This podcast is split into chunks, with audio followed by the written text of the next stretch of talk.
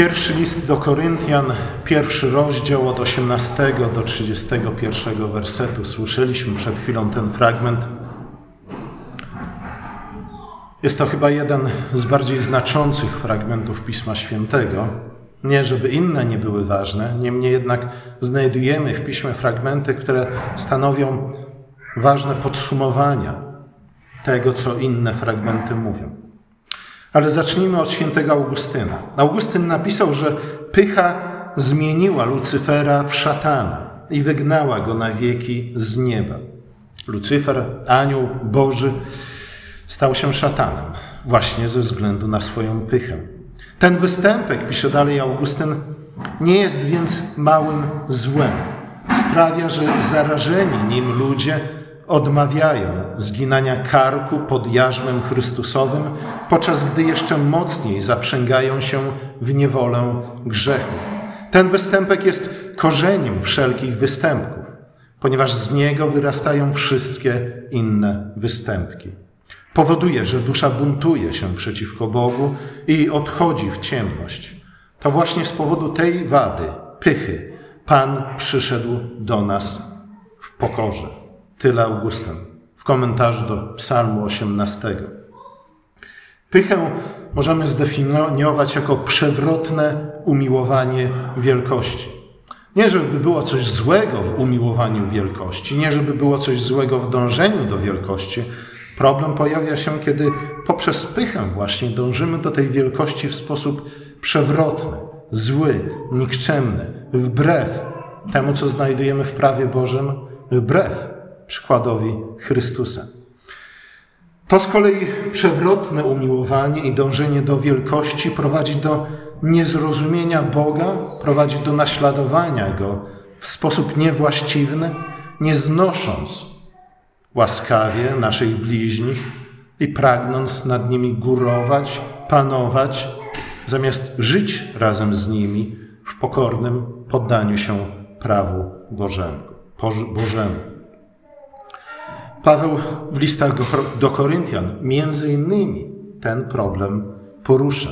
Problem pychy, pychy, która prowadziła do zazdrości, która prowadziła do tego, aby wywyższać się nad innymi, nie tyle poprzez dobre uczynki, nie tyle poprzez czynienie większego dobra niż inni, nie tyle w lepszym poznawaniu pisma, ale raczej próżnymi przechwałkami, a także poniżaniem innych. Jeśli tylko jestem w stanie poniżyć drugą osobę, od razu staję się wyższy od niej. Te problemy pojawiły się w kościele Koryncie, w Koryncie. Różne grupy chrześcijan zaczęło się przechwalać. Ja jestem Pawłowy, ja Apollosowy, ja Kefasowy. A ci najlepsi mówili, ale my jesteśmy Chrystusowi. Pewnie my byśmy tak też powiedzieli.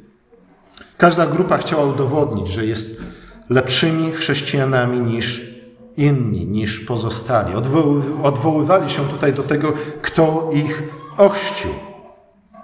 A jednak Paweł mówi: Słuchajcie, w gruncie rzeczy nie ma znaczenia, kogo, kto, czy też kto kogo ochrzcił, ze względu na to, że tym, który chrzci nas, jest sam Chrystus.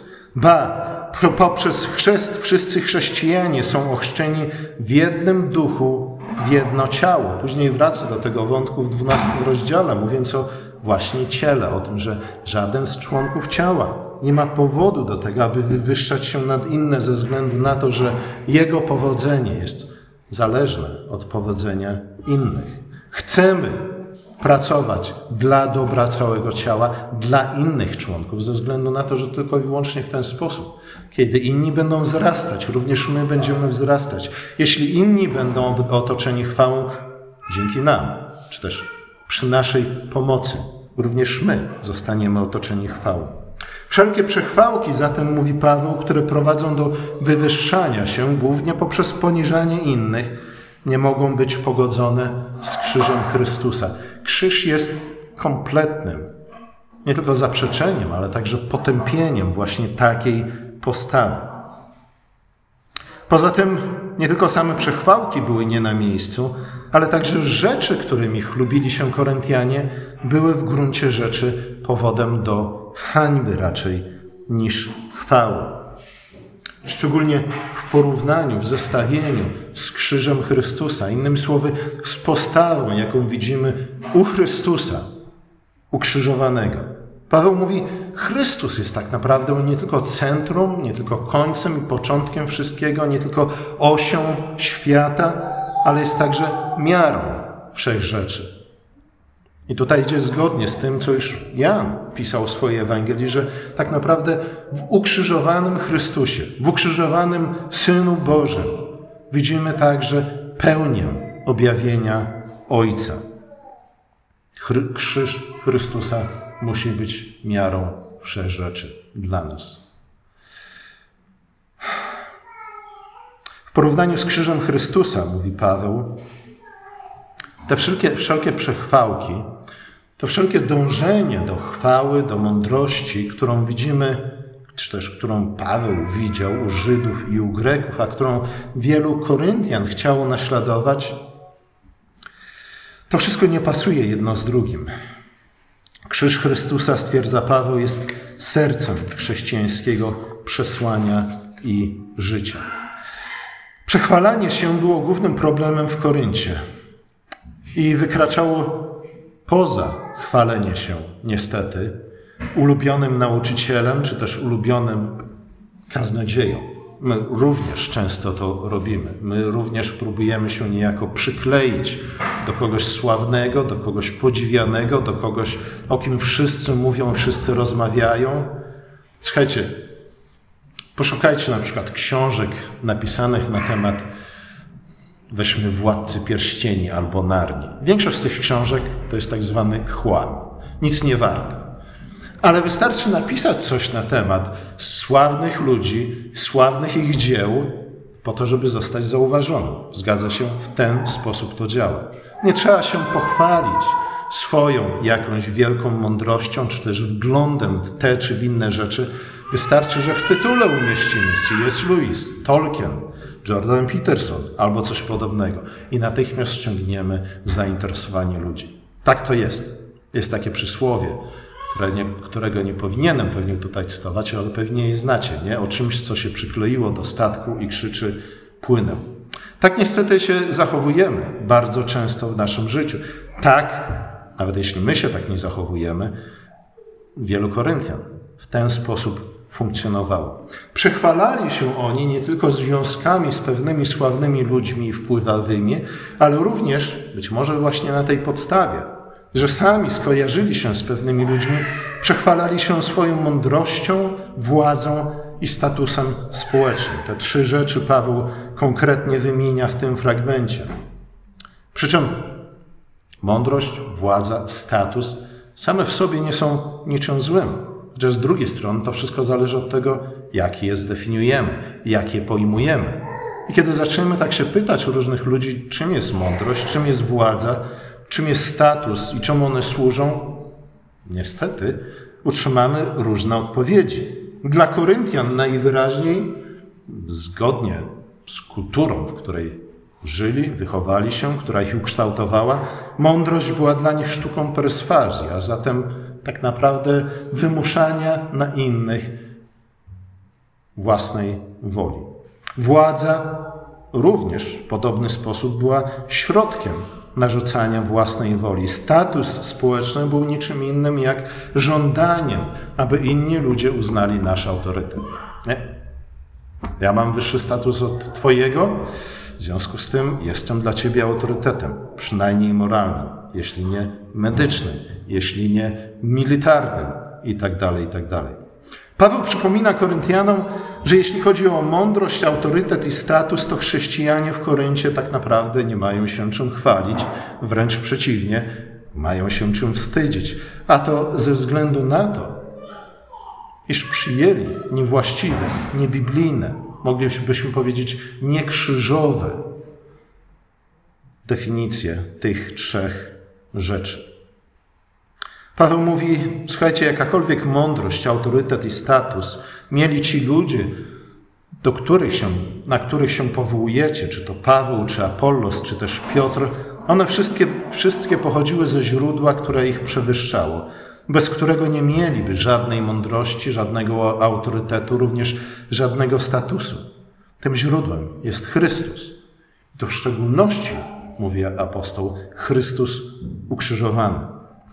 Niestety, według Pawła, Chrystus ukrzyżowany jest dla Żydów zgorszeniem, dla Greków zaś szaleństwem. Żydzi szukali mocy cudów, Grecy mądrości, jak to nazywali. Moc cudów, oczywiście, i mądrość jest tym, co znajdujemy w Ewangeliach. Moc cudów i mądrość jest tym, co znajdujemy w krzyżu, jednak nie w ten sam sposób. A także nie ta sama moc, nie ta sama mądrość, jaką byśmy znaleźli, czy to w żydowskich midraszach, czy też w dziełach greckich filozofów. To nie chodzi o to, że te dwa źródła są całkowicie odmienne i kompletnie sprzeczne z tym, co znajdujemy w Ewangeliach. Niemniej jednak podstawowe założenia, a także główne wnioski zdecydowanie się różnią ze względu na źródło tej mądrości, na źródło tego autorytetu, na źródło tego mocy, tej mocy, również na to, w jaki sposób one przejawiają się w naszym życiu, a przede wszystkim w jaki sposób przejawiły się, objawiły się w Chrystusie ukrzyżowanym. Dlatego mówi Paweł, Żydzi widzieli w krzyżu Chrystusa tylko wstyd i hańbę. Nie widzieli tam żadnej mocy, nie widzieli tam żadnego cudu. Z kolei Grecy w krzyżu Chrystusa widzieli tylko obłęd, szaleństwo i coś, o czym tak naprawdę nie należy nawet rozmawiać. Coś, od czego odwracamy nasze oczy. Krzyż był czymś, co człowiek zdrowy na umyśle i co człowiek pobożny, według tych Żydów i tych Greków, o których mówi Paweł, traktowałby po pierwsze z pogardą, a po drugie z obrzydzeniem, a być może nawet z pewną dozą strachu. Dla Greków i Rzymian krzyż sam sobie był tym, co Rzymianie nazywali karą ostateczną. Zwykle była ona zarezerwowana dla zbuntowanych niewolników. Jej celem było nie tyle zadanie największego bólu, największej kaźni przed śmiercią, chociaż również to, ze względu na odstraszanie, czy też efekt odstraszający, ale przede wszystkim e, ta kara była pomyślana w taki sposób, aby była jak najbardziej haniebna i poniżająca żeby broń Boże, czy to ze względu na strach przed kaźnią, czy też na strach przed pohańbieniem, nikomu nie przyszło do głowy, aby pójść w ślady tych skazańców. Ba, szlachetni Grecy i Rzymianie nie chcieli nawet rozmawiać o ukrzyżowaniu. Cyceron pisał, samo słowo krzyż powinno być dalekie nie tylko od osoby rzymskiego obywatela, ale także od jego myśli, oczu i serca. Tak haniebną i tak odrażającą, tak straszną była to kara. Śmierć krzyżowej zatem nie było absolutnie nic chwalebnego z jednej strony, a z drugiej strony nie było żadnej mocy. Jeśli już, to objawiała się w ukrzyżowaniu moc tego, który zadawał tę kaźń, moc kata nad ofiarą. Ale w samej ofierze absolutnie żadnej mocy i nic cudownego. Było to narzędzie kary, o którym nawet karzący nie chcieli myśleć. Dlaczego więc ktokolwiek chciałby czcić tego, który cierpiał na krzyżu? Dlaczego więc ktokolwiek miałby oddawać mu chwałę? Dlaczego ktokolwiek miałby wskazywać na tę osobę, mówiąc o jego mocy i mądrości, o jego władzy? Tak, ta kara była pomyślana, żeby nikomu nic podobnego nie przyszło na myśl. Tak więc Grecy i Rzymianie znali, znali ideę człowieka, który jest człowieka niewinnie cierpiącego. Nie? My, jako chrześcijanie, często wskazując na Chrystusa ukrzyżowanego, odwołujemy się do tej idei człowieka niewinnie cierpiącego. I tak na przykład Platon mówi o Sokratesie, który był człowiekiem niewinnie cierpiącym. Ba, był dobrym i sprawiedliwym człowiekiem, niesłusznie skazanym na śmierć, co było hańbą dla tych, którzy go na tę śmierć skazali. Różnica jednak między Chrystusem a Sokratesem polegała na rodzaju śmierci, ze względu na to, że według Platona Sokrates został uśmiercony przy pomocy trucizny, a właśnie przyjęcie trucizny było szlachetnym sposobem na śmierć. Było kompletnie innym sposobem uśmiercenia kogoś, czy też uśmiercenia samego siebie od haniebnego, haniebnego drzewa krzyża. Śmierć na krzyżu była czymś kompletnie odmiennym od śmierci Sokratesa. Było nie do pomyślenia, żeby niewinna i sprawiedliwa osoba mogła ponieść śmierć na krzyżu.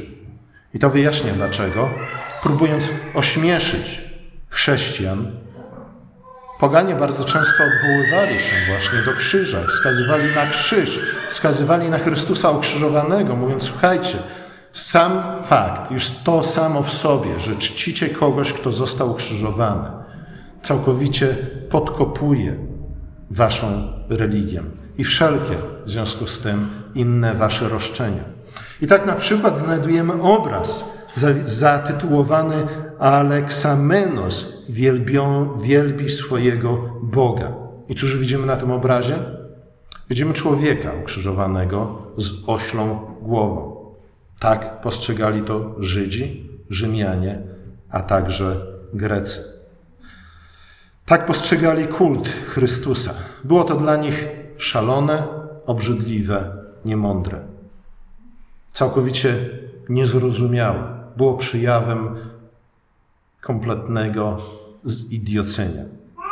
Tym bardziej, że chrześcijanie twierdzili, iż ta osoba, ten ukrzyżowany Chrystus, ten, któremu oddają cześć i chwałę, to sam Pan chwały, jak stwierdza Paweł również w liście do Koryntian. Odwieczny Bóg Syn, jedna z osób Trójcy Świętej. Słuchajcie, jeśli przedstawienie ukrzyżowanego człowieka jako jakiegoś bohatera było nie do pomyślenia, to twierdzenie, że tym człowiekiem jest Bóg Syn, Syn Boży, było całkowicie, kompletnie niestosowne i nie na miejscu. W końcu, i tutaj byli w gruncie rzeczy zgodni z sobą, Żydzi, Grecy, Rzymianie, a także niestety bardzo wielu chrześcijan w czasach współczesnych również. Końcu bogowie są zawsze szczęśliwi, a to oznacza całkowicie wolni od cierpienia, od hańby, od krzyża, pełni blasku, mocy i chwały. Jeśli wyjdziemy od takiego obrazu, od założenia, od takiej definicji bóstwa, to oczywiście Chrystus ukrzyżowany, ukrzyżowany Pan chwały nie mieści nam się w głowie. I nie jesteśmy w stanie nic sensownego z nim zrobić. I stąd też wzięło się mnóstwo wczesnych herezji chrześcijańskich. Ze względu na nie, niemoż, niemożliwość, niemożność pogodzenia. Z jednej strony twierdzenia, że Chrystus został ukrzyżowany, a z drugiej stwierdzenia, że Chrystus jest Panem chwały. Dla Żydów dodatkowym problemem z ukrzyżowanym Chrystusem, czyli Mesjaszem, było to, że Mesjasz miał przyjść po to, aby wyzwolić swój lud od jego wrogów.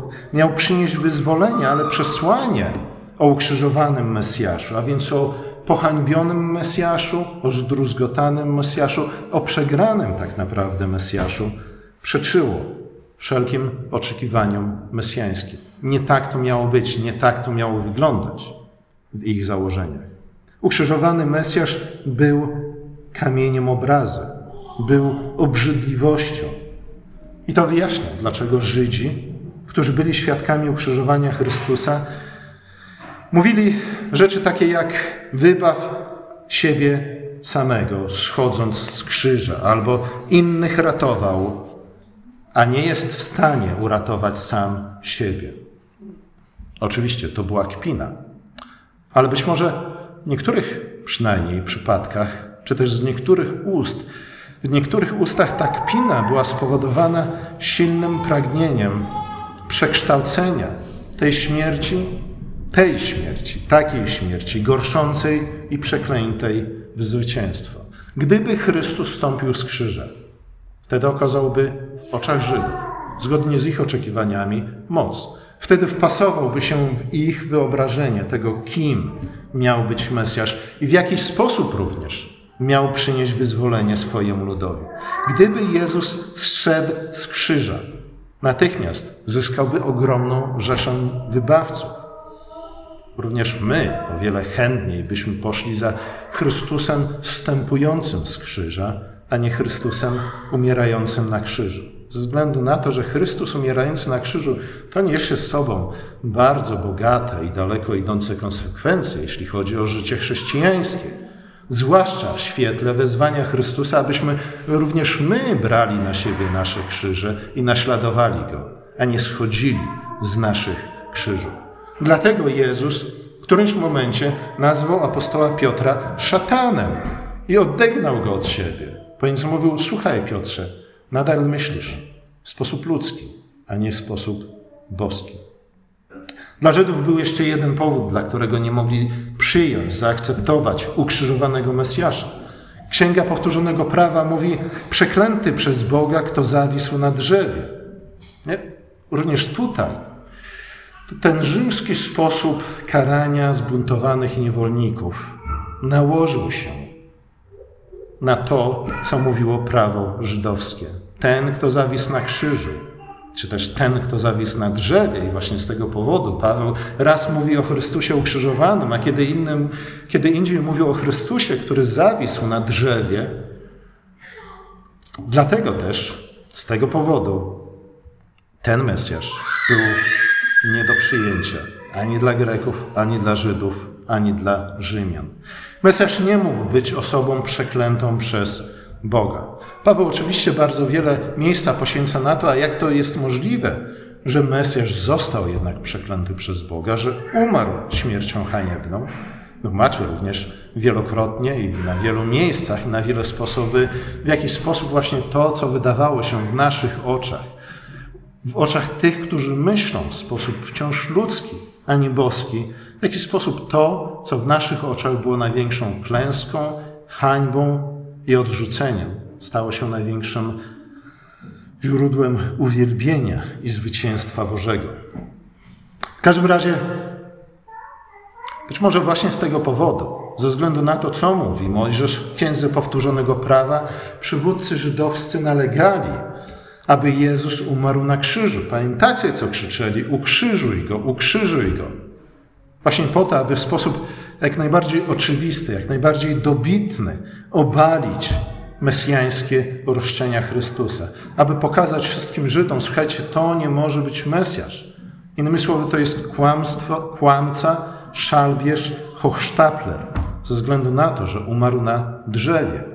A Mojżesz powiedział, przeklęty przez Boga kto zawisł na drzewie. Tak czy inaczej, krzyż Chrystusa dowodzi, że to, co ceni świat opanowany przez grzech i przez pychę, jest niezgodne z tym, co my jako Kościół powinniśmy cenić. Musimy jednak w świetle krzyża przemyśleć, być może po raz kolejny, hierarchię naszych wartości, na przykład. Świat nazywa krzyż skandalicznym szaleństwem, ale Bóg nazywa krzyż mądrością i mocą. Świat nazywa to całkowitą klęską i przegraną, ale Bóg nazywa to ostatecznym zwycięstwem. Świat nazywa to wstydem, hańbą, porażką. Bóg nazywa to chwałą i triumfem. A jednak my wciąż nie jesteśmy w stanie zrozumieć, czym jest prawdziwa moc, prawdziwa chwała i prawdziwa mądrość.